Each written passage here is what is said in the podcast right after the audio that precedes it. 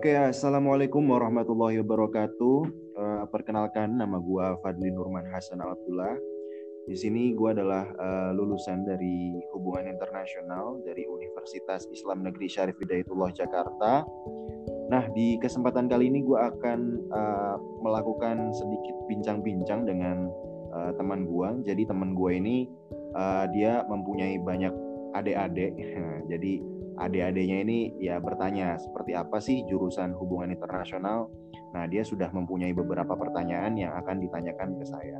Nah, teman saya ini adalah teman kamar saya sendiri di asrama waktu itu yaitu Mas Zakaria. Oke, Mas Zakaria bisa muncul? Halo. Halo. Oke, halo Mas Zakaria. Perkenalkan nama gue Jack dari STMKG.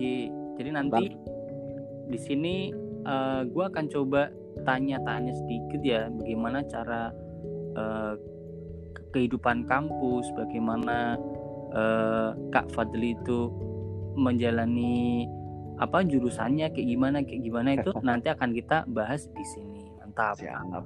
Oke. Boleh, Oke. boleh. Boleh langsung dong. langsung aja mungkin ya biar langsung fokus. Yuk. Bahkan. Oke, jadi gini Kak Fadli uh, kalau buat anak-anak yang SMA baru lulus kan pasti bingung gitu. Ya. Nah, terus bagaimana sih cara menentukan jurusan yang cocok? Gimana caranya biar pas gitu, biar gak salah pilih? Gitu. Oke. Nah, kalau menurut gua sih hal yang pertama banget nih lo harus tentuin buat adik-adik lah terutama ya. Uh, hal yang pertama adalah uh, kalian itu harus bisa menemukan passion kalian. Uh, passion passion adalah uh, sesuatu hal yang sangat penting. Kak, passion itu apa sih? Nah, passion itu adalah sesuatu hal yang uh, kamu senangi walaupun itu keadaannya berat ketika kamu melakukannya. Contoh, misalnya kamu seneng di main bola, itu latihannya keras banget, tapi kamu menjalankannya tuh enjoy banget. Nah, di situ itu salah satu ciri passion kamu kayak gitu dan dari situ kalian adik-adik bisa uh, mencari passion gue di mana sih sebenarnya. Oh mungkin passion gue di hubungan internasional karena gue seneng dengan uh, berbicara di depan umum kayak gitu. Nah itu hal yang penting banget yaitu menentukan menentukan passion kalian itu di mana gitu. jadi nah, sesuai setelah, dengan ketertarikan gitu ya kak? Iya benar. Jadi uh, uh, adik-adik ini harus tahu tertariknya di mana. Kalau misalnya cuman buat gengsi aja sih ya jangan ya. Soalnya biaya kuliah kan mahal. Jadi kalau bisa harus tahu nih passion kamu di mana. Itu penting banget. Passion adalah nomor satu buat oh. kuliah. Jadi biar nanti ke depannya tidak ngerasa terpaksa gitu ya? Betul. Jadi nggak cuman kuliah seadanya kayak gitu. Ah terus gini kak. Kan kita belum ngerti nih uh, Mas Fadli ini jurusan apa terus kedalamannya itu kayak gimana? Coba jelasin dong Kak Fadli ini sebenarnya kuliahnya jurus jurusan apa terus yang dipelajari itu terkait apa gitu kan. Kalau orang bilang HI itu apa sih? Kan banyak yang nggak ngerti. Nah coba apa sih sebenarnya HI itu? Ya sebenarnya banyak yang bilang itu kalau HI itu terlalu luas cakupannya. Jadi uh, termasuk salah satu kritik juga sih kritik dari orang-orang akademisi kalau uh, ilmu studi hubungan internasional itu terlalu luas cakupannya gitu. Tapi uh, memang HI ini adalah salah satu uh, jurusan terfavorit lah. Salah satu jurusan favorit bagi para siswa yang ingin melanjutkan studinya ke jenjang yang lebih tinggi lagi. Nah, kalau di HI itu banyak yang nanya mata kuliahnya apa aja sih, Kak? Nah, yang pertama tuh biasanya pasti adanya pengantar hubungan internasional, Mas Jack. Jadi pasti ada pengantarnya nih biar kita tahu nggak uh, biar nggak uh, kaku-kaku banget nggak biar bingung. tahu secara umumnya ya. gitu ya. bener jadi selain pengantar HI ada ilmu politik nah itu penting banget jadi karena HI itu sebenarnya HI dan ilmu politik itu bersinggungan ilmu politik itu kan lahir terlebih dahulu baru adanya uh, studi hubungan internasional. Jadi Tapi tetap itu saling keterkaitan kan di ya, antara jelas, jelas banget uh, ada keterkaitannya. Jadi pasti di semester 1 biasanya ada diajarkan uh, ilmu politik. Selain itu ada sosiologi, kita belajar sosiologi juga. Jadi tentang uh, kemasyarakatan lah seperti biasa. ada sosiologi, ada ekonomi, ada uh, bahasa Arab kalau di UIN di kampus kampus gua ada bahasa Arab soalnya ya buat penunjang lah. Terus juga ada kajian strategik, ada statistik, hitung-hitung itu juga ada loh di sana. Jadi hmm. ya soalnya kan kita juga salah satu prospeknya juga bisa menjadi sebagai peneliti Mas Jack. Nah jadi penting banget buat kita uh, bisa lah, seenggaknya bisa, nggak pinter, maksudnya nggak pinter-pinter banget, tapi seenggaknya bisa dengan hitung-hitungan kayak gitu.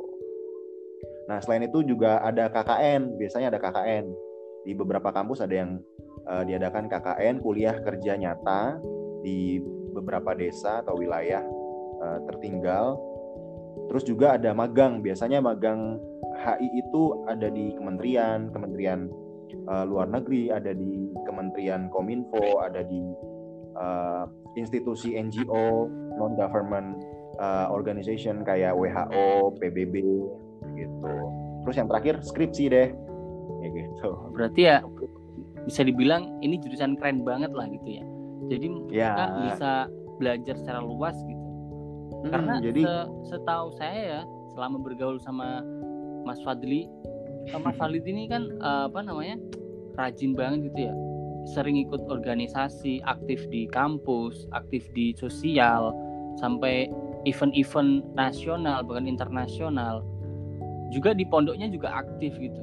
Jadi memang Mantap. pengetahuannya itu luas, umum. Makanya ya, emang emang sesuai lah sama sama apa jurusannya. Iya, soalnya yang tadi gue bilang pertama, kalau lu mau kalau adik-adik mau masuk jurusan, uh, milih jurusan tertentu itu tentuin dulu passionnya di mana, senengnya di mana karena gue sudah uh, tahu lah passion gue di mana karena seneng uh, ngobrol juga, seneng uh, berbicara depan umum ya udah gue milihnya jurusan HI kayak gitu. Oke, terus kalau suasana perkuliahan di kampus tuh kayak gimana pergaulannya di kampusnya, khususnya buat kampusnya Mas Fadli itu sendiri? wah karena kampus uh, gua Islam ya Universitas Islam Negeri ya pasti yang jelas berkerudung semua. Kental ya pakai Islam. ya, iya. Enggak sih. Uh, kalau di UIN Jakarta itu kampusnya Islamnya nggak kental umum uh, gitu ya. Islamnya iya Islamnya terkenal Islam liberal istilahnya. Oh liberal. Nah jadi Islam bebas. Ya terutama di FISIP karena HI ada di fakultasnya fakultas ilmu sosial dan ilmu politik. Biasanya anak-anak fisip itu berpikirnya tuh lebih uh, lebih apa ya lebih terbuka lagi dalam hal keagamaan gitu sih Mas. Kalau untuk uh, UIN sendiri ya UIN itu memberikan peluang apa aja sih buat mahasiswanya mahasiswinya gitu? Peluangnya? Maksudnya dia dia ngasih kelebihan apa gitu peluang. Oh, iya. Ya sesuai dengan namanya Universitas Islam Islam Negeri kalau di HI UIN itu memang uh, semasa saya kuliah sih itu terbaik kelima ya HI terbaik kelima di Indonesia. Jadi uh, memang HI UIN itu ini lebih diprospekkan untuk ke Timur Tengah.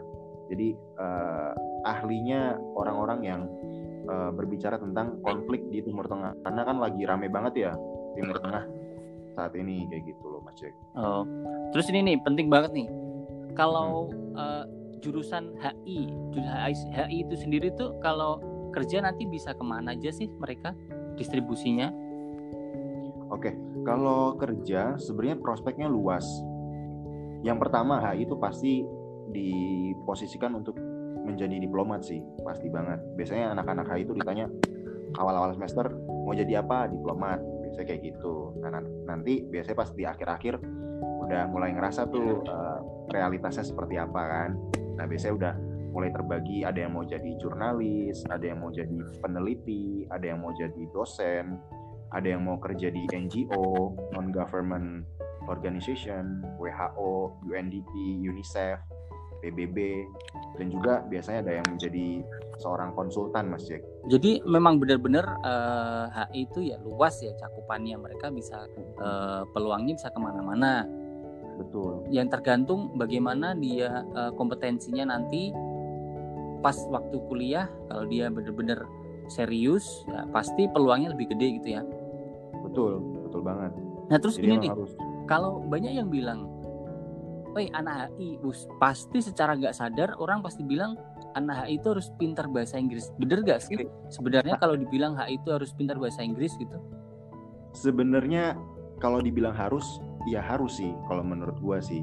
Kenapa harus? Soalnya gini uh, prospek uh, adik-adik itu kan nanti untuk di jurusan HI kan tadi yang seperti gue katakan ada yang menjadi diplomat. Itu yang utama. Diplomat itu kan pasti harus bisa menguasai bahasa asing Nah, kalau adik-adik tahu nih ya, eh, di Kementerian Luar Negeri itu salah satu persyaratan untuk apply kerja di sana sebagai diplomat itu teman-teman harus bisa uh, punya skor TOEFL sekitar 550 dan itu ya lumayan besar kayak gitu loh. Jadi emang uh, kalau bisa ya basicnya memang bahasa Inggrisnya harus dikuatin dulu ya itu berarti memang benar gitu ya? Iya benar. Jadi jangan sampai uh, inilah jangan sampai kita nggak punya passion di bahasa Inggris terus tiba-tiba masuk jurusan HI kasihan. Maksudnya kasihan nanti kaget nanti ya? Uh, kaget benar nah terus gini gini selain bahasa Kalau selain bahasa Inggris Mas Cek selain bahasa Inggris uh, teman-teman juga bisa belajar bahasa China Mandarin itu penting. Terus ada bahasa Perancis. Itu salah satu bahasa yang sering dipakai di dunia. Nomor dua gitu. nomor tiga gitunya juga. Iya nah, kayak gitu sih. Terus, terus gimana? gini gini. Uh, kalau tadi prospek udah bahasa udah. Terus gini. Kalau kalau um, udah udah masuk nih contoh udah masuk HI nih kita. Terus prospek kerja lulusan HI buat yang nilainya standar atau nggak lolos seleksi diplomat gitu gimana kak? Nah tadi tuh yang tadi uh, gue katakan kalau nggak jadi diplomat lo bisa adik-adik bisa uh, menjadi seorang jurnalis atau peneliti atau dosen. Dosen itu kan biasanya lanjut S2 ya selanjut S2 S3 soalnya kebanyakan memang jurusan HI itu pada lanjut dari S1 ke S2 tujuannya ya biar bisa mengajar kayak gitu loh. Soalnya memang kan HI itu banyak belajar tentang teori ya mas ya. Ada teori tentang uh, feminis, ada tentang grand theory, terus juga ada tentang ya apa ilmu politik juga. Pokoknya banyak deh hal-hal yang membuat kita tuh nggak cukup di S1 doang biasa kayak gitu. Hmm. Makanya ada beberapa teman-teman yang mau lanjut di S2 kayak gitu. Tapi tapi HI nggak harus jadi diplomat kan maksudnya? Enggak, enggak, bener-bener enggak. Soalnya gini Mas Cek, uh, setiap uh, pemerintah buka formasi PNS untuk diplomat itu biasanya formasinya tuh nggak terlalu banyak mas Jack. Hmm. Uh, terakhir ya yang saya tahu uh, untuk menjadi diplomat itu pemerintah membuka formasinya sekitar 70 70-an. 70-an formasi. Dan itu kita saingannya ya, Mbak, lumayan banyak kayak gitu loh. Jadi kita realistis aja sebenarnya. Hmm. Jadi jadi seorang diplomat, makanya tadi saya katakan kalau misalnya uh, adik-adik di sini mau masuk HI ya bener-bener harus bisa kuasain tuh bahasa Inggrisnya kalau bener-bener mau menjadi seorang diplomat kayak gitu sih. Terus ini nih ada pertanyaan dari Laila. Mm-hmm. Kak, apakah untuk masuk jurusan HI itu harus punya kepandaian yang tinggi? Nah, ini keren sekali. Biar dijawab gimana? Apakah wajib pinter? Gimana apa enggak itu? Ya, sebenarnya kan enggak sih, enggak harus wajib pinter sih. Pinter itu kan bisa didapatkan ketika kita kuliah. Jadi kalau misalnya kita udah merasa insecure duluan ketika belum masuk kuliah, ya kita harus percaya diri dulu dengan diri kita. Ah, insya Allah saya mampu nih buat masuk HI kayak gitu loh. Nanti setelah kuliah kita banyak belajar, banyak baca, banyak baca jurnal, makalah, tesis, skripsi dan lain sebagainya itu insya Allah akan pintar dengan sendirinya. Berarti intinya kita itu gak usah insecure, gak usah apa namanya nggak percaya diri yang penting gas aja dulu terus kita gas yang terus. penting mau belajar mau berkembang gitu ya. Betul, betul banget. Itu harus... sebenarnya di semua jurusan ya bukan cuma HI sebenarnya. Betul betul banget. Jadi nggak cuma HI doang tapi semua jurusan karena ya semua kayak... nanti pasti ada tantangannya dan harus uh, punya kompetensi di jurusan masing-masing. Ya sama kan kayak di jurusan yang Mas J kan di apa instrumentasi. ya. ya itu kan pasti adalah perjuangannya ya. sendiri-sendiri jurusannya kayak gitu. Benar-benar terus gini gini uh, kalau selama kuliah tuh di di Win ya, suka duka hmm. kuliah di jurusan HI itu apa sih suka duka ya kalau suka dukanya sih kalau dukanya nih ya dukanya itu uh, sering banget nih ketemu dosen yang nggak jelas. Ya kayaknya ini semuanya sih, semua jurusan. Biasanya ada dosen yang benar-benar annoying, menyebalkan adalah. Dan anak HI itu terkenal dengan tugasnya banyak. Tugas paper, membuat paper, membuat makalah. Jadi membuat uh, apa? analisa terus kita tuangkan di tulisan itu biasanya banyak banget sih. Biar banyak referensinya sih itu kalau ya. kayaknya. Wajib, pokoknya wajib buat um, anak HI ngerti mekanisme penulisan uh, skripsi itu seperti apa, makalah seperti apa, referensi seperti apa itu wajib tahu banget kayak gitu sih. Terus biasanya buat project-project tentang isu tertentu kayak gitu loh. Terus kalau, kalau sukanya sendiri? Kalau ya, kalau sukanya ya kalau sukanya itu bisa banyak banget belajar banyak hal bisa punya teman baru koneksi baru di beberapa kampus universitas di jurusan AI juga wawasan tentang internasional pastinya. Terus kita bisa belajar tentang mekanisme sidang PBB Perserikatan Bangsa-Bangsa. Terus kita pasti juga bisa uh, punya peluang untuk aktif organisasi di kampus. Terus pastinya bisa demo. Ya demo ini kan ya saya sih termasuk pernah, pembelajaran gitu ya. lah kalau aku iya benar. Itu. Saya ini pernah demo juga. Jadi pas pertama kali ya ini cerita sedikit. Jadi pas pertama kali saya kuliah di ospek itu sama senior saya tuh langsung disuruh megang toa. Tahu toa ya? Toa itu pengeras suara. Terus disuruh berdiri di depan hadapan teman-teman seangkatan. Disuruh disuruh demo. Disuruh demo sama senior. Nih lu pegang toa lu demo depan teman-teman lu. Lu terserah lu mau ngomong apa terserah lu itu sukanya di situ sih jadi uh, tertantang lah. Seru gitu ya? Uh, tertantang bisa uh, menjadi sebuah momentum lah untuk berani berbicara di depan umum seperti itu sih terus gini ada pertanyaan dari Hajar. Gimana kak caranya biar ganteng kayak Mas Fadli banyak fansnya? Nah ini ini pertanyaan dari siapa ini? Mantap. Gimana mantap nih? pertanyaan dari Mas Kamar. Enggak lah. Ya kita mah semua laki-laki itu diciptakan ganteng lah kalau menurut saya sih secara uh, definisinya karena Allah itu menciptakan manusia itu dengan seba sebaik-baiknya bentuk kan jadi uh, menurut saya semua laki-laki itu ganteng dan semua perempuan itu cantik. Bagaimana kita sebagai manusia itu memandang uh, seorang manusia itu seperti apa? Gitu. karena biasanya emang anak itu emang biasanya keren dia itu terus masa depannya itu kayak cerah ya, terus gitu. terus sticknya. terus uh, apa kayak dia itu punya punya aura-aura elegan gitu loh. Anak AI biasanya begitu. Itu stigmanya stigma, stigma ya. stigma masyarakat terhadap anak terus gini gini. HI beda nggak sih HI sama ilmu komunikasi itu? Kalau beda itu kayak apa bedanya gitu? HI sama ilmu komunikasi ya? Mm -hmm. nah kalau HI sama ilmu komunikasi itu bedanya dari sisi keilmuan sih kalau HI itu lebih kompleks mata kuliahnya lebih banyak banget yang tadi saya katakan ya mm kita belajar tentang hukum internasional, belajar tentang uh, politik, sosiologi, statistik. Kalau komunikasi itu lebih fokus sama judul jurusan itu sendiri, komunikasi.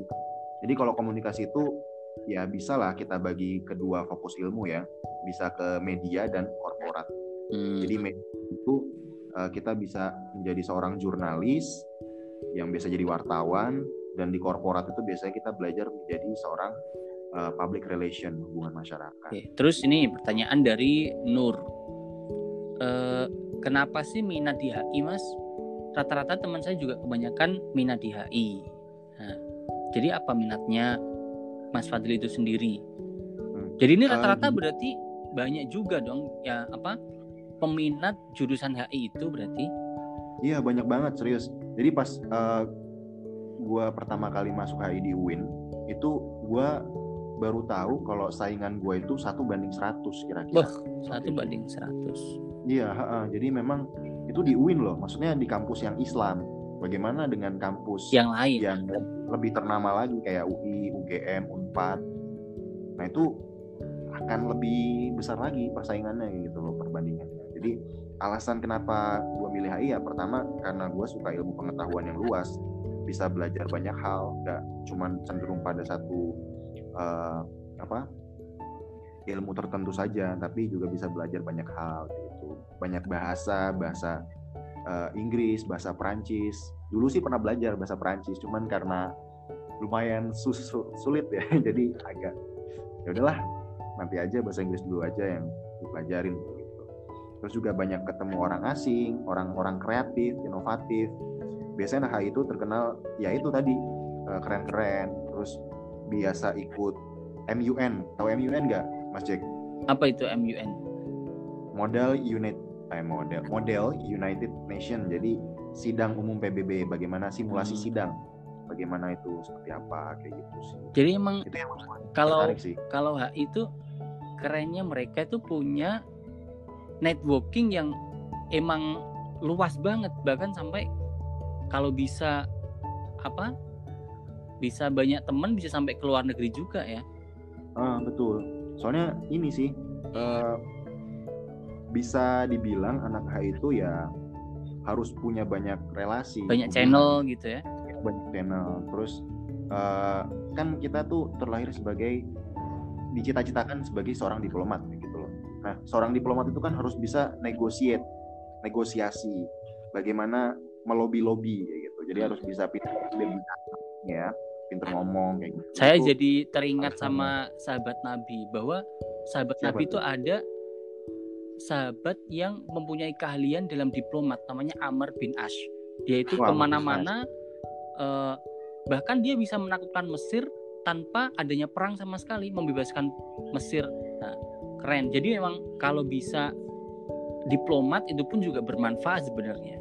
Nah betul. Tuh bisa banget diterapin sama adik-adik ya yang uh, punya cita-cita sebagai diplomat. Jadi uh, diplomasi itu nggak cuma digunakan sebagai kenegaraan tapi juga sebagai agama ya. Itu justru juga bisa di sistem ekonomi juga. Bagaimana kita cari ini sama nggak ya? Kita bisa cari pelanggan. Maisha ya ya cari ya, pelanggan. itu kan itu sebenarnya pendekatan-pendekatan yang memang ada sebuah psikologis untuk mendapatkan customers gitu ya.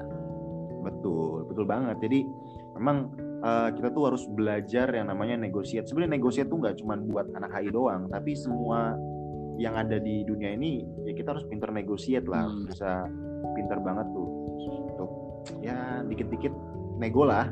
Di tanah pasar tanah abang aja kita harus nego ya buat uh, beli baju. Oke, okay, gitu. kita lanjut ke pertanyaan dari Intan. Kak, tips ngerjain skripsi di UIN Jakarta gimana Kak? Katanya sulit ngajar dosennya. Sulit banget hmm. katanya gitu. Uh, kalau ngerjain skripsi sih hal yang pertama adalah fokus sih. Fokus soalnya memang di HI itu biasanya terkenal jurusan yang lulusnya jarang tepat waktu Mas Jack. Jadi nggak ya mungkin ada beberapa yang tepat waktu tapi mungkin uh, lebih banyak yang ya nggak tepat waktu kayak gitu loh. Jadi ya harus komitmen. Yang pertama komitmen. Uh, kalau gua sih pas gua lulus itu ya gua telat dua bulan sih. Kalau gua ini ya telat dua bulanan lah. Tapi kalau dua bulan masih dibilang tepat waktu ya, masih kalau kalau di universitas. Uh, nah itu gue bener-bener komit sih waktu itu Mas Jack. Jadi uh, tahu sendiri kan pas di kamar kita berdua kan kamar seperti apa. Jadi memang uh, harus komitmen naruh laptop di samping kasur. Ya kalau orangnya tiduran sih nggak selesai-selesai gitu ya. Iya kalau kalau gue sih pas gue ngajarin skripsi di samping ada laptop, di samping ada uh, eh, HP yaitu gue gunakan sebaik mungkin untuk bisa menyelesaikan. Ya kurang lebih gue nyelesain skripsi itu sekitar tiga bulan lah alhamdulillahnya bisa selesai kayak jadi gitu. sebenarnya tuh gini ini ini sebenarnya untuk untuk teman-teman yang lain juga ya jadi hmm. secara normal itu memang kalau kuliah itu empat tahun gitu ya kalau S1 oh, nah ya. itu sebenarnya semakin kita telat semakin kita mundur itu kita tuh udah males gitu ngerjain skripsi ngerjain tugas udah males kuliah tuh udah males lima tahun enam tahun itu tuh bu, udah bukan tempat kita lagi buat kuliah S1 iya. gitu biasanya. Jadi semakin mundur, semakin semakin kita sibuk sama yang lain gitu. Hmm, betul banget. Jadi kalau bisa teman-teman ya mungkin ada suara-suara dari teman-teman nanti kalau misalnya bisa masuk HI udahlah ngapain sih lulus cepat waktu tepat waktu mau jadi apa sih emang kayak gini gini gini nah itu biasanya ada tuh suara-suara kayak gitu nah itu ya teman-teman harus komitmen sih jadi uh, harus ingat juga pesan orang tua kan pasti biaya orang tua ya kita kuliah ya juga uh, ya biasanya ada teman-teman kita yang udah lulus duluan itu harus benar-benar komit komitmen yang tinggi banget yang harus bisa ditepatkan oleh teman-teman sendiri mungkin jadi uh, uh, kalau menurut menurut menurut saya jadi boleh sih mundur setahun atau ah. berapa hmm. tahun tapi harus udah magang ke tempat yang keren, ke internasional. Dia udah punya pengalaman yang gede, dia udah ikut event-event internasional, dia udah yeah. Iya. uh, seminar internasional, dia udah Betul. buka jaringan di mana-mana. Nah, mundur nggak masalah karena pengalamannya penuh dengan pengalaman. Nah, udah Betul. yang nggak boleh itu yang mundur, tapi juga nggak ada hasilnya dan skripsinya mundur juga. Nah, itu yang mungkin yang nggak boleh gitu ya. Iya, jadi harus produktif, Mas Jack. Jadi buat kuliah itu kalau jujur ya gue aja uh, masih merasa kurang produktif selama masa di kampus kayak gitu loh. Soalnya merasa belum buat apa-apa buat di kampus selama di kampus ya gitu loh. Jadi buat teman-teman mumpung mau masuk kuliah ini benar-benar harus bisa buat ya semacam program kerja sendirilah seenggaknya. Targetnya seperti apa untuk bisa uh, berkarir nanti seperti apa harus punya tujuan yang jelas selama kuliah sih seperti itu. Pertanyaan dari siapa ini? Dari namanya dari aku. Kak di HI ngapain aja? Uh -huh. di HI ngapain aja? Main. ya di HI ya. Jalan-jalan. Belajar. Ya belajar lah pasti. Pasti banget. Ini nih. Yang rajin. Penting nih kak di HI itu harus lulus TOEFL dulu kah? Dan berapa nilai TOEFL yang harus diraih untuk bisa masuk gak ini penting nih penting nih. Betul. Jadi biasanya setiap kampus itu punya kebijakan tersendiri ya buat uh, standar untuk lulus uh, di jurusan itu. Kalau di UIN UIN Jakarta itu untuk adik-adik mau lulus kuliah itu harus bisa mencapai uh, skor 450 uh. TOEFL 450. Kalau di UI 400 ya kalau nggak salah. Ini ini ini uh, masuk pertama atau nanti lulusnya? Persyaratan lulusnya? Enggak, persyaratan lulus. Jadi kalau mau sidang, sidang skripsi nanti itu teman-teman hmm. adik-adik pasti harus ujian dulu, ujian uh, skor TOEFL. Jadi buat ngukur kemampuan bahasa Inggris teman seberapa besar sih. Kalau kalau untuk mahasiswa baru nih yang ingin masuk HI, apakah juga hmm. harus lulus TOEFL dengan itu sekitar 450 tadi? Enggak sih kalau kalau biasanya kalau universitas di awal-awal itu ngadain tes biasanya cuma buat mengukur kemampuan siswanya oh. aja, mahasiswanya aja kayak gitu. Jadi nggak harus ya kayak gitulah. Terus kemampuan yang kakak dapat sebagai lulusan HI nantinya akan seperti apa kak?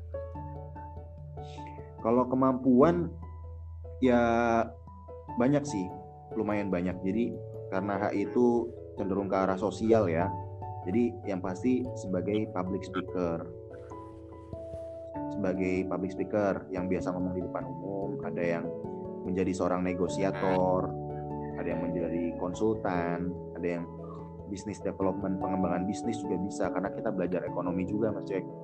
Terus juga bisa menjadi seorang konseptor acara-acara di event organizer kayak kalau saya sih alhamdulillahnya uh, sering banget ikutan acara-acara IO-IO yang uh, sifatnya di level nasional maupun internasional. Jadi bisa belajar banyak banget tuh uh, di uh, IO tersebut kayak gitu. Ya itu memang uh, selama kenal sama Mas Fadli emang uh, taunya memang aktif di bidang uh, apa event-event gitu ikut-ikut IO gitu. Kadang saya juga ikut juga diajak gitu kan. Nah terus yes. Iya, uh, apa jadwal public speakingnya juga ke mana-mana. Bahkan pernah pernah apa mengisi du, dubbing ya dubbing di uh, lembaga yang luar biasa yang besar gitu. Hmm. ngedubbing itu emang kemampuan public speakingnya udah udah udah pro lah bisa dibilang pro.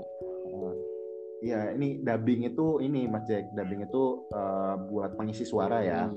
Soalnya emang saya juga uh, beberapa tahun lalu dipercaya sih buat menjadi seorang uh, pengisi suara di salah satu organisasi lah besar gitu. jadi ya uh, lumayan banyak dari channel-channel tersebut yang bisa dimanfaatkan buat karir masa depan. Uh, itu juga bisa apa? Jadi CV ya, jadi pengalaman CV. CV, CV. Udah pengapa? Udah ke ini pengalaman itu, pengalaman itu memang harus harus harus apa? Penunjang banget. Oke. Terus gini. Setahu Kak, setahu aku kan HI biasanya untuk anak IPA, eh anak IPS atau SOSUM. Kalau anak IPA atau Saintek bisa nggak masuk HI? Kalau bisa peluang masuknya besar, kecil atau gimana kak? Pertanyaan dari Windy. Uh, bisa lah, tentu bisa. Cuman uh, teman-teman itu harus bisa uh, belajar materi IPS ya kayak geografi, sejarah. Soalnya nanti pas ujian UTBK, kalau sekarang kan UTBK ya, kalau dulu saya SBMPTN. Nah kalau UTBK itu nanti ngambilnya di uh, ladang IPS kayak gitu. Jadi harus belajar tentang sejarah, tentang uh, geografi. Gitu Jadi dan IPA Saintek tetap berpeluang ya? Iya bisa. Hmm. Biasanya yang susah ya dari IPS ke IPA, biasanya susah itu. Oh IPS ke IPA ya, karena uh, basicnya lah ya uh, penguatan tentang apa perhitung perhitungannya itu yang mungkin bikin sulit. Nah. Biasanya sulit tuh IPS kan ya tahu sendiri lah kita lebih seneng ya senang-senang gitu sih. Bukan senang-senang sih. Uh, networking, cari cari yeah. cari channel. Kalau saya pribadi sih sebenarnya orang IPS yang tersesat di IPA sebenarnya. jiwa ya, jiwa IPS tapi ya gas aja terus kan sekarang sekarang udah jadi PNS kan jadi enak lah.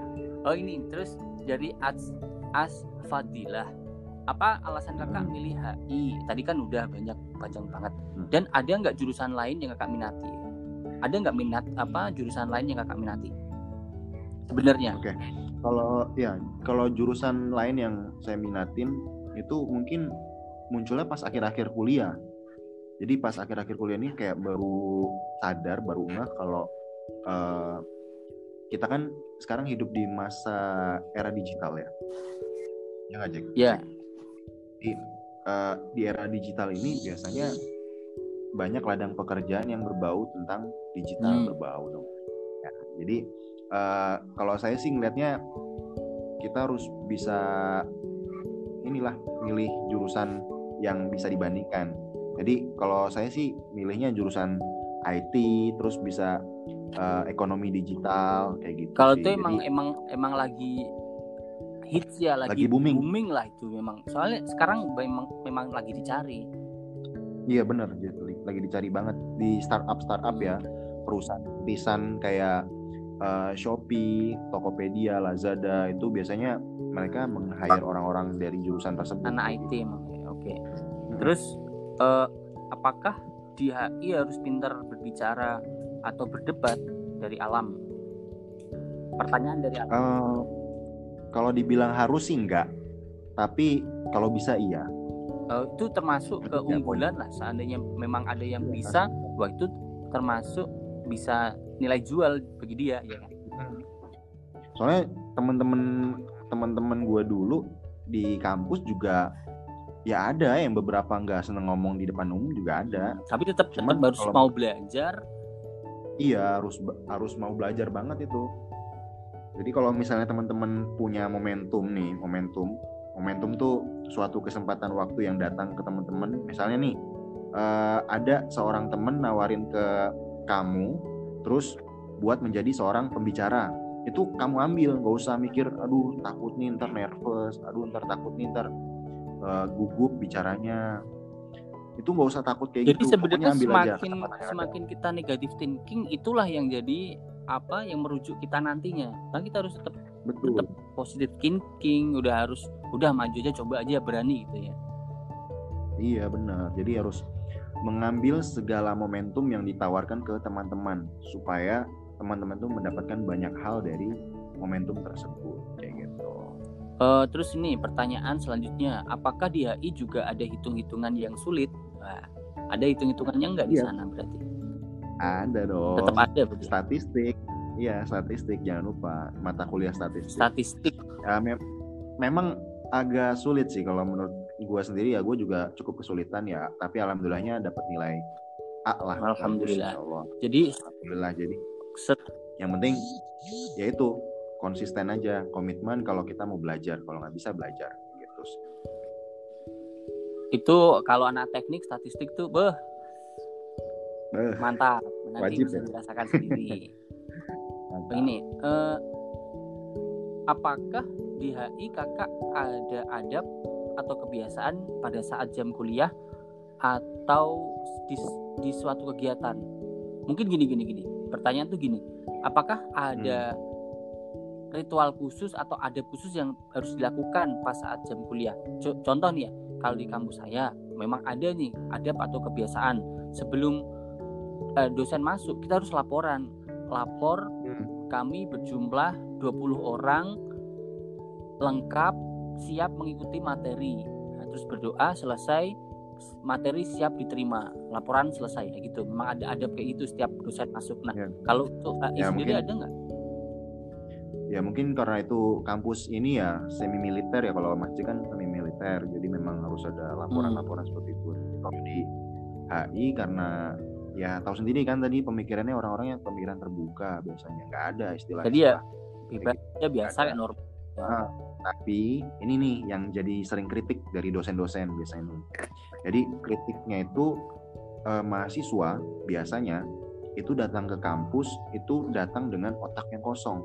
Ngerti nggak maksudnya? Hmm, Nah, jadi di saat kuliah itu teman-teman itu datang itu keadaannya kita nggak tahu apa-apa dengan materi kuliah yang mau diajarkan.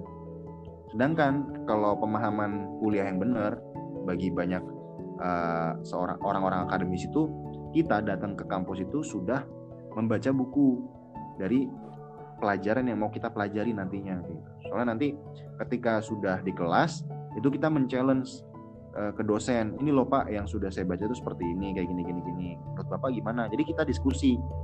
Kayak di luar negeri tuh gitu mas Jack. Jadi kalau perkuliahan di Australia kan aku punya temen di sana dia eh, semacam membuat FGD FGD itu fokus group discussion. Jadi eh, membuat diskusi yang mana kita sudah belajar sebelumnya. Jadi di rumah itu kita udah belajar terus di kampus itu kita diskusi aja dengan apa yang sudah kita Hmm. baca. Itu yang kuliah yang benar ini sih, termasuk informasi yang penting ya gimana adabnya gimana cara menyesuaikan eh, biar gak kaget dan terus bisa bisa apa lebih menyerap ilmu lebih dalam. Karena eh, ketika kita udah berpikir kita harus dapat ilmunya lebih banyak kita udah ngosongin pikiran oh itu lebih cepat diserap gitu. Ya betul. Oke terus apakah di HI selalu membahas politik?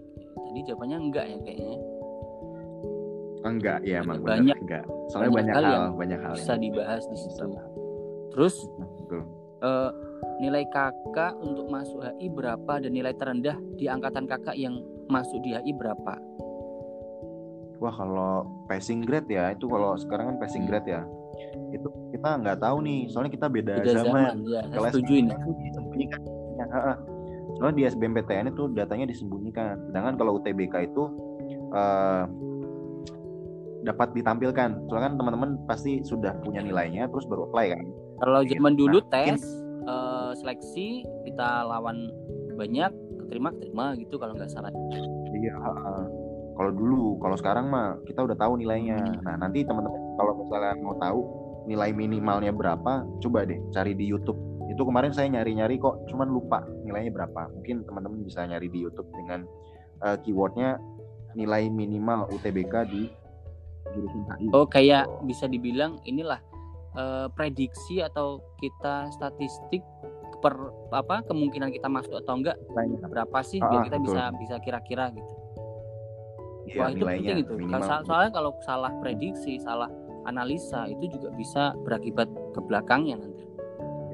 Betul, soalnya biar tahu kemampuan kita seberapa sih Hmm. kayak gitu. Terus mata pelajaran pada pada saat SMA yang bakal dibahas di HI mapel apa? Ada sejarah, ada bahasa Inggris, sosiologi, PKN tuh yang sering dibahas Iya, di iya. HI. Mm. terus ini bagaimana relasi kakak dengan teman-teman atau dengan orang lain di HI jadi baik di HI ataupun di luar HI itu gimana Oke, kalau di HI ya kalau bisa kita harus bisa ini ya, maksudnya berteman dengan banyak orang kayak gitu. Soalnya kita kan uh, berbicara tentang koneksi, jadi uh, kita harus bisa ikut. Uh, kalau bisa ya, nggak harus. Kalau bisa kita ikut organisasi atau seenggaknya kita bisa ikut uh, apa semacam kumpulan-kumpulan komunitas tertentu di luar kampus.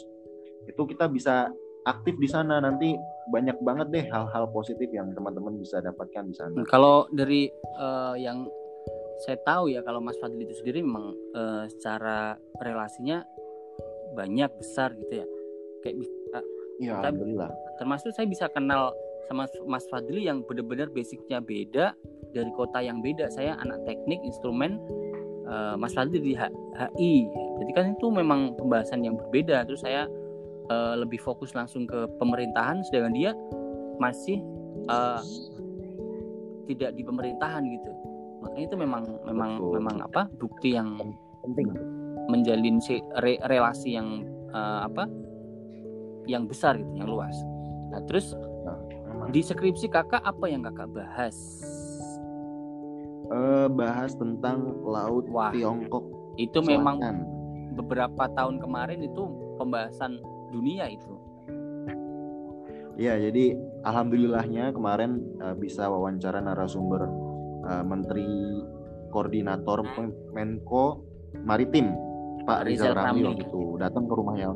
Ya, datang ke rumahnya langsung buat wawancara. Soalnya waktu itu yang kan judul skripsinya itu uh, peru kebijakan perubahan nama laut uh, Natuna Utara dari Laut Tiongkok Selatan.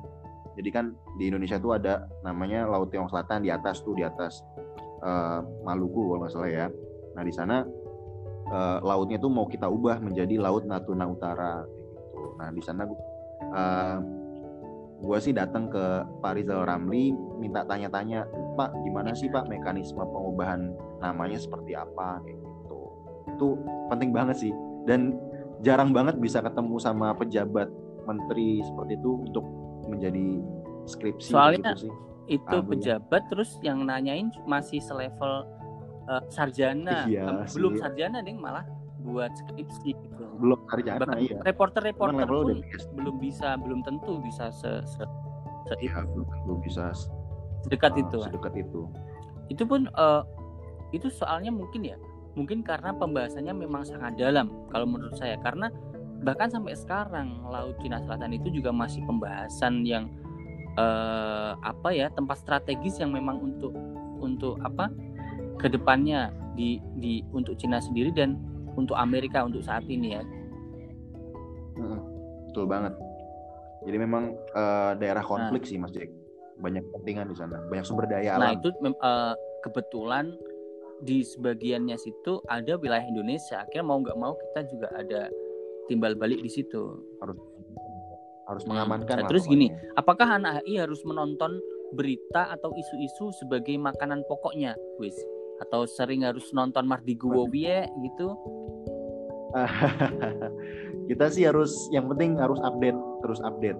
Soalnya biasanya di uh, perkuliahan itu dosen itu sering nanya, kamu tahu nggak tentang isu ini, tentang isu terbaru tentang uh, genocide misalnya, tentang uh, di kasus Muslim Uighur di China itu seperti apa. Nah itu kita dapatkan beritanya dengan cara kita uh, membaca berita di berita online, entah itu di CNN, detik.com, BBC. Jadi kerennya gini ya, kalau umpama lagi diangkat isu-isu berita. Nah biasanya anak ini bisa mempelajarinya lebih dalam lagi. Contoh kalau cuma kita tahu berita yang bisa cuma informasinya sebatas itu doang. Tapi kalau anak, anak HI biasanya tuh, uh ada isu baru, Nah, pelajari. pelajari sampai dalam dia tahu berarti pas kita butuh referensi anak HI udah udah 10 langkah di depan kita gitu biasanya. Ya, soalnya kita belajar tentang kebijakan, bagaimana seorang pemerintah itu memutuskan kebijakan tersebut seperti apa kayak gitu. Mekanisme seperti apa sih? Kayak gitu sih. Terus materi pertama pada saat semester 1 di HI membahas apa? Tadi kayaknya udah ya. Uh, hubungan umum, politik umum tadi ya? Ya pokoknya tentang Pancasila PHI pengantar hubungan internasional ilmu politik. Ilmu pengantar. Ya biasanya pengantar pengantar lah kita nggak kagok kayak gitu. Pengantar ya bukan pengantuk ya. Pengantar ya. Ini sebutkan tugas di HI yang mudah dan susah menurut kakak. Apa ini yang susah? Yang mudah? Yang susah ya yang susah itu mata kuliahnya itu ada THI teori hubungan internasional. Soalnya teorinya banyak maksudnya ada teori konstruktivis ada teori realis liberalis uh, green theory ada feminis. Banyak deh pokoknya ada English School nanti teman-teman akan tahu deh. Terus ada ekopolit ekonomi politik internasional bayangin aja digabung. saya ada statistik cuma juga. judulnya aja Ada. udah, Ah. udah waduh ini ya mantap ini ada hukum internasional, unclos, belajar.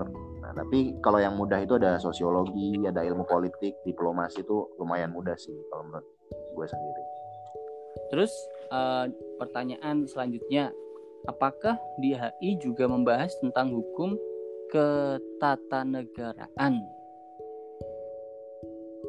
Eh, bahas dong. Itu ada di hukum eh, ilmu hukum. Biasanya diajarin di semester 1. Jadi kita belajar tentang ilmu hukum. Nanti di semester 2 bisa ada hukum internasional. Terus ada hukum eh, macam-macam lagi tuh, hukum laut lah, hukum ketatanegaraan juga itu termasuk, termasuk eh, materi basic lah ya pasti Iya. BTW BTW aja nih Mas Cek. Hmm. Kita oke skip dulu ya. mantap.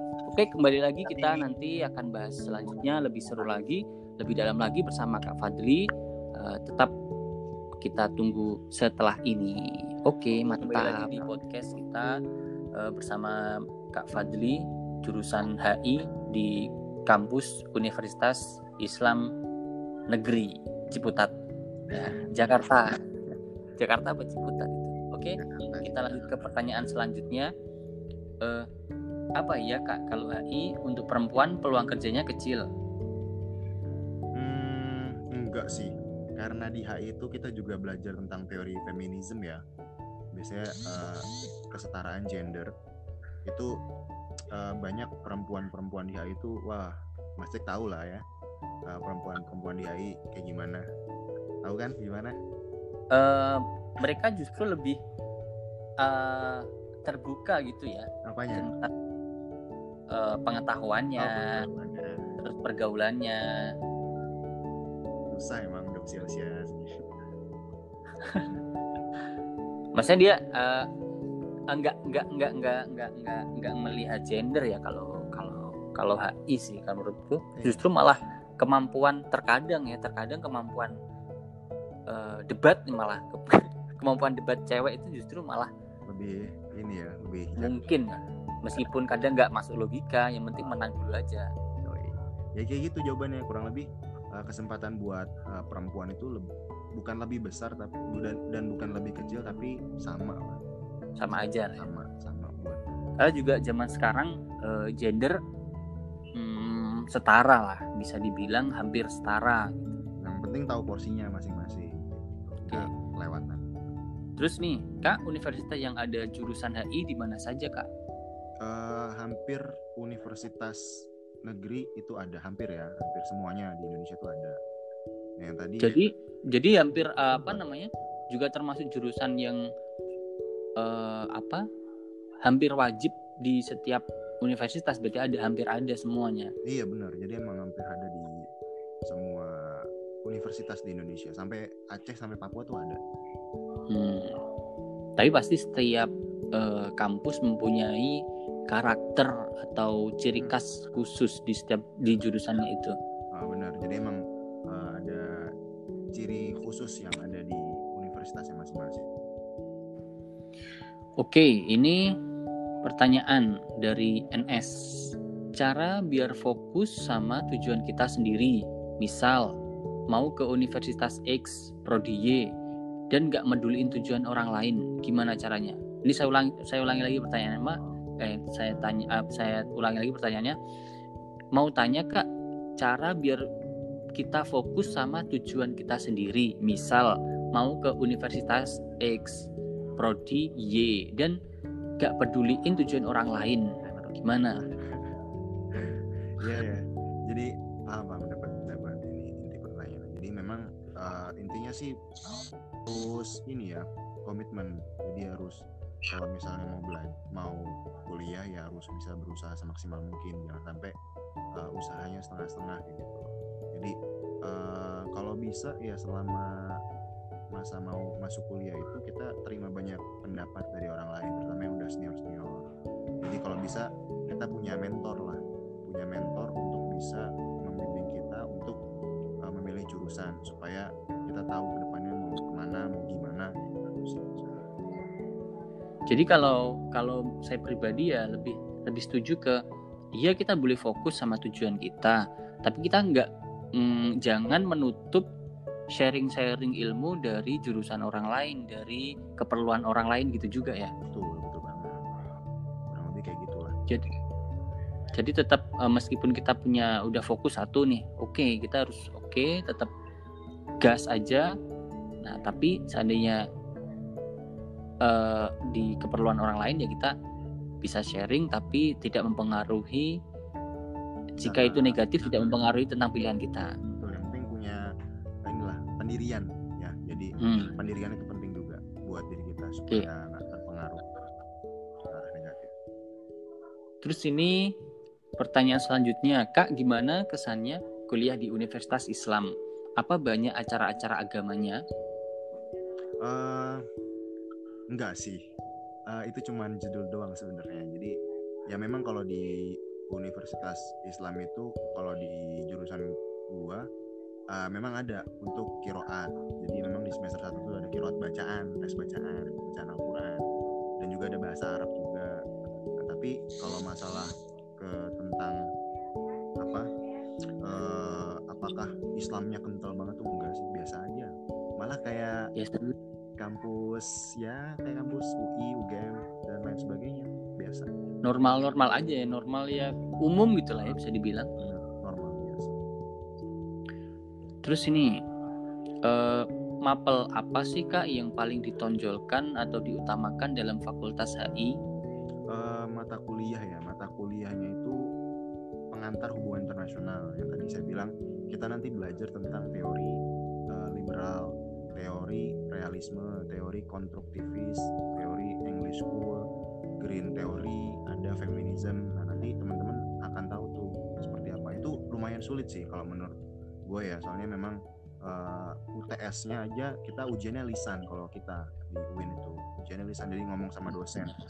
Pengertian kita ditanya pendapatnya tentang teori tersebut seperti apa. Dan juga ada wah berarti ya dalam juga ya kalau sampai ditanya secara secara apa? dingin. karena pasti itu dalam banget ya. Iya benar. Jadi memang harus tahu seluk beluknya seperti apa teori tersebut gitu. Hmm. kalau teori konspirasi sendiri di, di dipelajari nggak di situ? Konspirasi sih kita enggak ya. Enggak dipelajari cuman pasti adalah bumbu-bumbu konspirasi di dunia ini pasti ada. Apalagi hmm. maksudnya berarti bukan spesialis mendalami uh, teori tersebut gitu ya kalau konspirasi nggak ada habisnya. Cek. Pasti selalu ada yang terbaru dan ada, uh, aja. ada aja pokoknya. Nih kak HI selain belajar hubungan internasional belajar hubungan apa lagi? Pertanyaan dari Reza gimana nih ya? Hubungan antar manusia. Oke. Okay. ya itu pasti ada. Gitu. simple sesimpel itu sebenarnya. Hubungan antar negara ya manusia, hubungan antar organisasi internasional, hubungan antar parenting parenting diajari juga nggak di situ? Tidak, beda. Tidak ya, jadi hubungan non komersial. Jurusan dong, ada lagi tuh. Nih, dari pertanyaan dari Arum, Kak di HI itu kita akan disuruh untuk memperdalam politik luar dan sejarah luar negeri juga nggak? uh, kalau disuruh ya pasti karena kita kan kuliah mendapatkan nilai juga ya salah satu ini ya tujuannya ya jadi memang kan ada politik mata kuliah itu ada yang namanya politik luar negeri apa politik politik luar negeri Amerika Serikat misalnya politik luar negeri uh, negara Uni Eropa jadi memang uh, ada uh, mata kuliah-mata kuliah yang akan pasti kita pelajari ke depannya seperti itu. Soalnya kalau sepengetahuan saya ya, kalau memang kebijakan-kebijakan negara itu biasanya dipengaruhi oleh sejarah itu sendiri, sejarah negeri itu Iya, sendiri. benar. Benar banget. Jadi Makanya bisa mendapatkan konsep ketatanegaraan yang dipilih seperti apa itu pasti eh, berpengaruh dalam sejarahnya perjalanan negara itu sendiri. Termasuk Indonesia juga. ya makanya penting banget kita belajar tentang sejarah jangan sampai kita melupakan sejarah apa semboyan dari Presiden Soekarno jas merah ya Jangan jangan melupakan sejarah itu ya. ya jadi memang jangan sampai kita sebagai uh, warga negara Indonesia itu melupakan sejarah negara Indonesia apalagi kalau anak HI ya harus bisa belajar tentang sejarah negara di luar Indonesia itu sendiri Oke, pertanyaan ke-38. banyak ya Mas gimana Mas gimana cara public speaking yang baik dan gimana caranya berpikir kritis? Wah ini ini pertanyaan yang rel relate banget ini soalnya Ya. eh, Mas Fadli ini kompetensinya di sini. Jadi gimana nih Mas? Nah, kalau public speaking sebenarnya eh, kita belajar, belajar eh, dengan ahlinya seperti apa kayak gitu. Dulu saya punya mentor di kampus, saya punya mentor. Mentornya siapa ya? Senior saya sendiri. Jadi nanti kalau kalian mau kuliah terus mau punya kemampuan public speakingnya kamu, kalian tuh harus punya namanya mentor. Penting banget mentor. Nanti kalian juga bisa secara teoritis melihat eh, seperti apa sih uh, kemampuan public speaking lewat internet itu seperti apa di Google aja ada di YouTube juga ada itu saya juga belajar lewat situ selain mentor juga lewat daring lewat online gitu sih mas nah juga tadi yang kedua apa selain public speaking Gimana caranya berpikir kritis? berpikir kritis? itu muncul ketika ada ketidakadilan kalau pendapat gua. Jadi uh, penting banget ketika kita melihat sesuatu hal yang kurang baik atau ada suatu ketidakadilan yang ada di sekitar kita sekeliling kita kita uh, secara otomatis pasti kan mempunyai keluhan ya pasti ya setiap orang ya. Jadi dengan adanya keluhan itu kita berpikir nih ini kayaknya baiknya nggak seperti ini deh kita usul deh uh, harusnya seperti ini dengan mengangkat tangan atau mengutarakan pendapat entah itu lewat sosmed atau lewat uh, teman seperti itu. Jadi dengan seperti itu uh, pemikiran kritis itu akan muncul dengan sendirinya gitu. Jadi harus dilatih dilatih untuk bisa uh, berani untuk mengutarakan pendapat itu pasti penting banget gitu. Jadi dua-duanya tadi itu public speaking dan cara berpikir kritis itu perlu dilatih agar terbiasa. jadi uh, apa ya? Ya istilahnya kayak istilahnya tan malaka lah. Jadi kalau tan malaka itu bilang bilangnya uh, apa ya? Ter terbe aku lupa lupa deh apa istilahnya. Pokoknya kepukul kepukul terus lama lama akan jadi terbentuk gitu.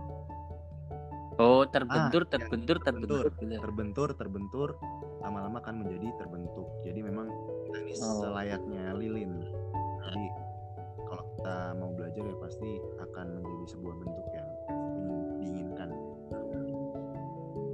Oke, keren sekali itu jawabannya. Oh, di, pertanyaan terakhir, terakhir, Mas, bagi pengalamannya dan perjuangannya buat kuliah, Penga- sharing pengalamannya dan perjuangannya selama kuliah. Eh, pengalaman pas kuliah. Sebenarnya gua pas kuliah itu eh, sempat gagal.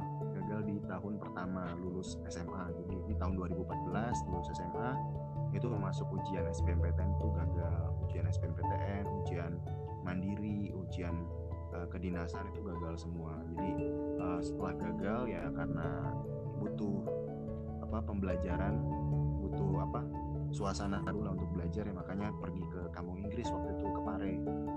Nah di Pare di sana selama kurang lebih enam bulan belajar bahasa Inggris sambil belajar tentang SBMPTN ya karena eh, waktu itu SBMPTN bukan UTBK nah setelah di tahun 2015 alhamdulillahnya eh, ikut ujian lagi SBMPTN dan alhamdulillah bisa lulus kayak gitu. Dan sebenarnya nggak gampang juga sih. Soalnya memang banyak banget yang dikorbanin entah itu uh, pengorbanan berupa uang, berupa materi maupun imateri kayak gitu. Jadi memang uh, banyak banget sih tekanannya. Jadi uh, buat teman-teman kalau misalnya mau kuliah ya harus benar-benar bisa berjuang sekolah kemampuan sekeras mungkin soalnya memang nggak ada mimpi yang uh, dapat dicapai dengan berarti sebenarnya Mas Fadli ini angkatan 2014 nih ya. Cuma tapi nggak pernah ngaku angkatan 2014 ini tahu. Iya. Harusnya nih panitia angkatnya ditulis angkatan 2014 juga ini sama nih. Enggak lah. 12 dong. Tapi keren ya pengalamannya. Tahun pertama masih belum dapat rezekinya ya. Tapi tahun kedua setelah melakukan uh, belajar berusaha pengorbanan itu ternyata dibayar lunas di tahun ya, kedua. sebenarnya masuk kuliah di UIN sendiri ya Mas Eka ya? Itu kan SBMPTN waktu itu ingat banget serius. Ingat banget di ujian waktu itu di ujian itu di Halim Halim Perdana Kusuma dekat sana. Nah di sana itu uh, pas ujian itu inget banget uh, kan yang diuji ada matematika dasar ya? Nah matematika dasar itu kan ada 15 soal di SBMPTN itu dari 15 soal uh, saya isinya gua isinya itu B semua. Jadi nembak. Nembak B semua coy. Bener. Wah. Parah nembak semua karena nggak bisa. Kan emang gue lemah di matematika ya nggak. Karena emang basic IPS kan. Nggak seneng sosial tapi kalau dihadapkan sama matematika dasar tuh ya Allah udah. Parah banget dah. Istilahnya udah kayak hopeless pas ngerjain itu udah ya Allah masa nembak semua B semua gitu. Jadi kayak setelah ujian itu uh, eh, gue kayak ya udahlah pasrah. Mau gimana keputusannya lihat aja nanti. Inget kayak gitu. Itu sebelum puasa. Nah akhirnya pas puasa bulan puasa ingat banget. Bulan puasa itu pengumuman SBMPTN itu alhamdulillahnya Allah paling barokah. Jadi Allah itu ngasih unjuk walaupun uh, sesuatu hal yang kita anggap tidak masuk akal yaitu dengan mengarang bebas seperti tadi itu ketika Allah mengatakan kun maka fayakun maka jadilah gitu ya kun fayakun jadi kita percaya dengan apa yang kita perjuangkan jangan sampai kita di sini tuh apa ya merasa pesimis, merasa putus asa tuh jangan, pasti pertolongan Allah itu akan datang ketika kita sudah yakin dengan apa yang sudah kita perjuangkan yaitu dengan menolong agamanya Allah tadi. Dengan usaha, dengan doa, doanya orang tua, percaya dengan kemampuan diri sendiri itu insya Allah pasti teman-teman sekalian akan bisa mendapatkan apa yang Wah, ini benar-benar paket iya, lengkap ini. Uh, usahanya dikencengin, terus amalan langitnya juga iya. dikencengin. Oh, itu udah top chair lah itu. Jadi kita main depan, kita juga main belakang. Wah. Dalam hal ini ya, dalam hal pendidikan kan. ya. Ya, sebenarnya saya pribadi juga punya pengalaman gambling kayak gitu juga seru. Sama, nembak juga, nembak juga. Iya. ujian ke gambling gitu terus tahu-tahu keterima gitu. Dan teman-teman teman-teman yang saya tanya sama. juga ada. Sama. Iya. sama jadi memang keajaiban itu memang uh, apa ya ber berguna oh, juga ya. Ini memang harus berspekulasi. Oke nih satu terakhir. Ini kata-kata uh, motivasi atau apa ya apa uh, supaya lebih menyemangati teman-teman coba Mas Fadli uh, beri kami beberapa motivasi dan lain-lain. Uh, satu kata motivasi adalah teman-teman uh, harus bisa menjadi orang yang berpengaruh bukan terpengaruh. Ini maknanya luas sebenarnya.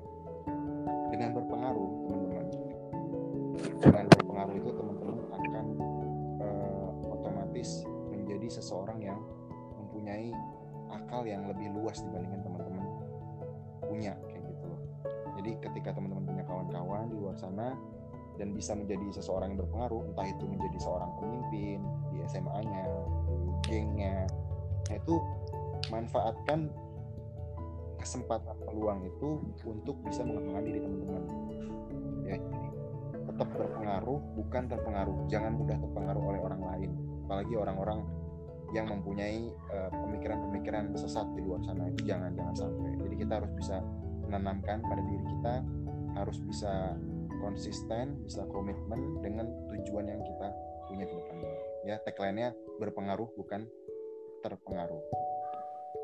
Ya luar biasa sekali sharing kita hari ini uh, bersama Mas Fadli banyak materi-materi daging banget yang telah dibagi sama beliau.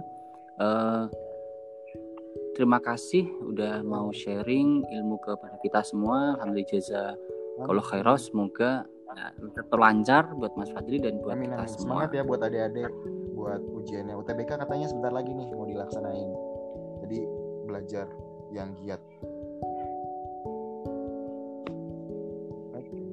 Oke, alhamdulillah jazakumullah khairan. Eh, nanti kita akan insya Allah bertemu lagi pada podcast-podcast yang lain dan pembahasan-pembahasan lebih seru lagi.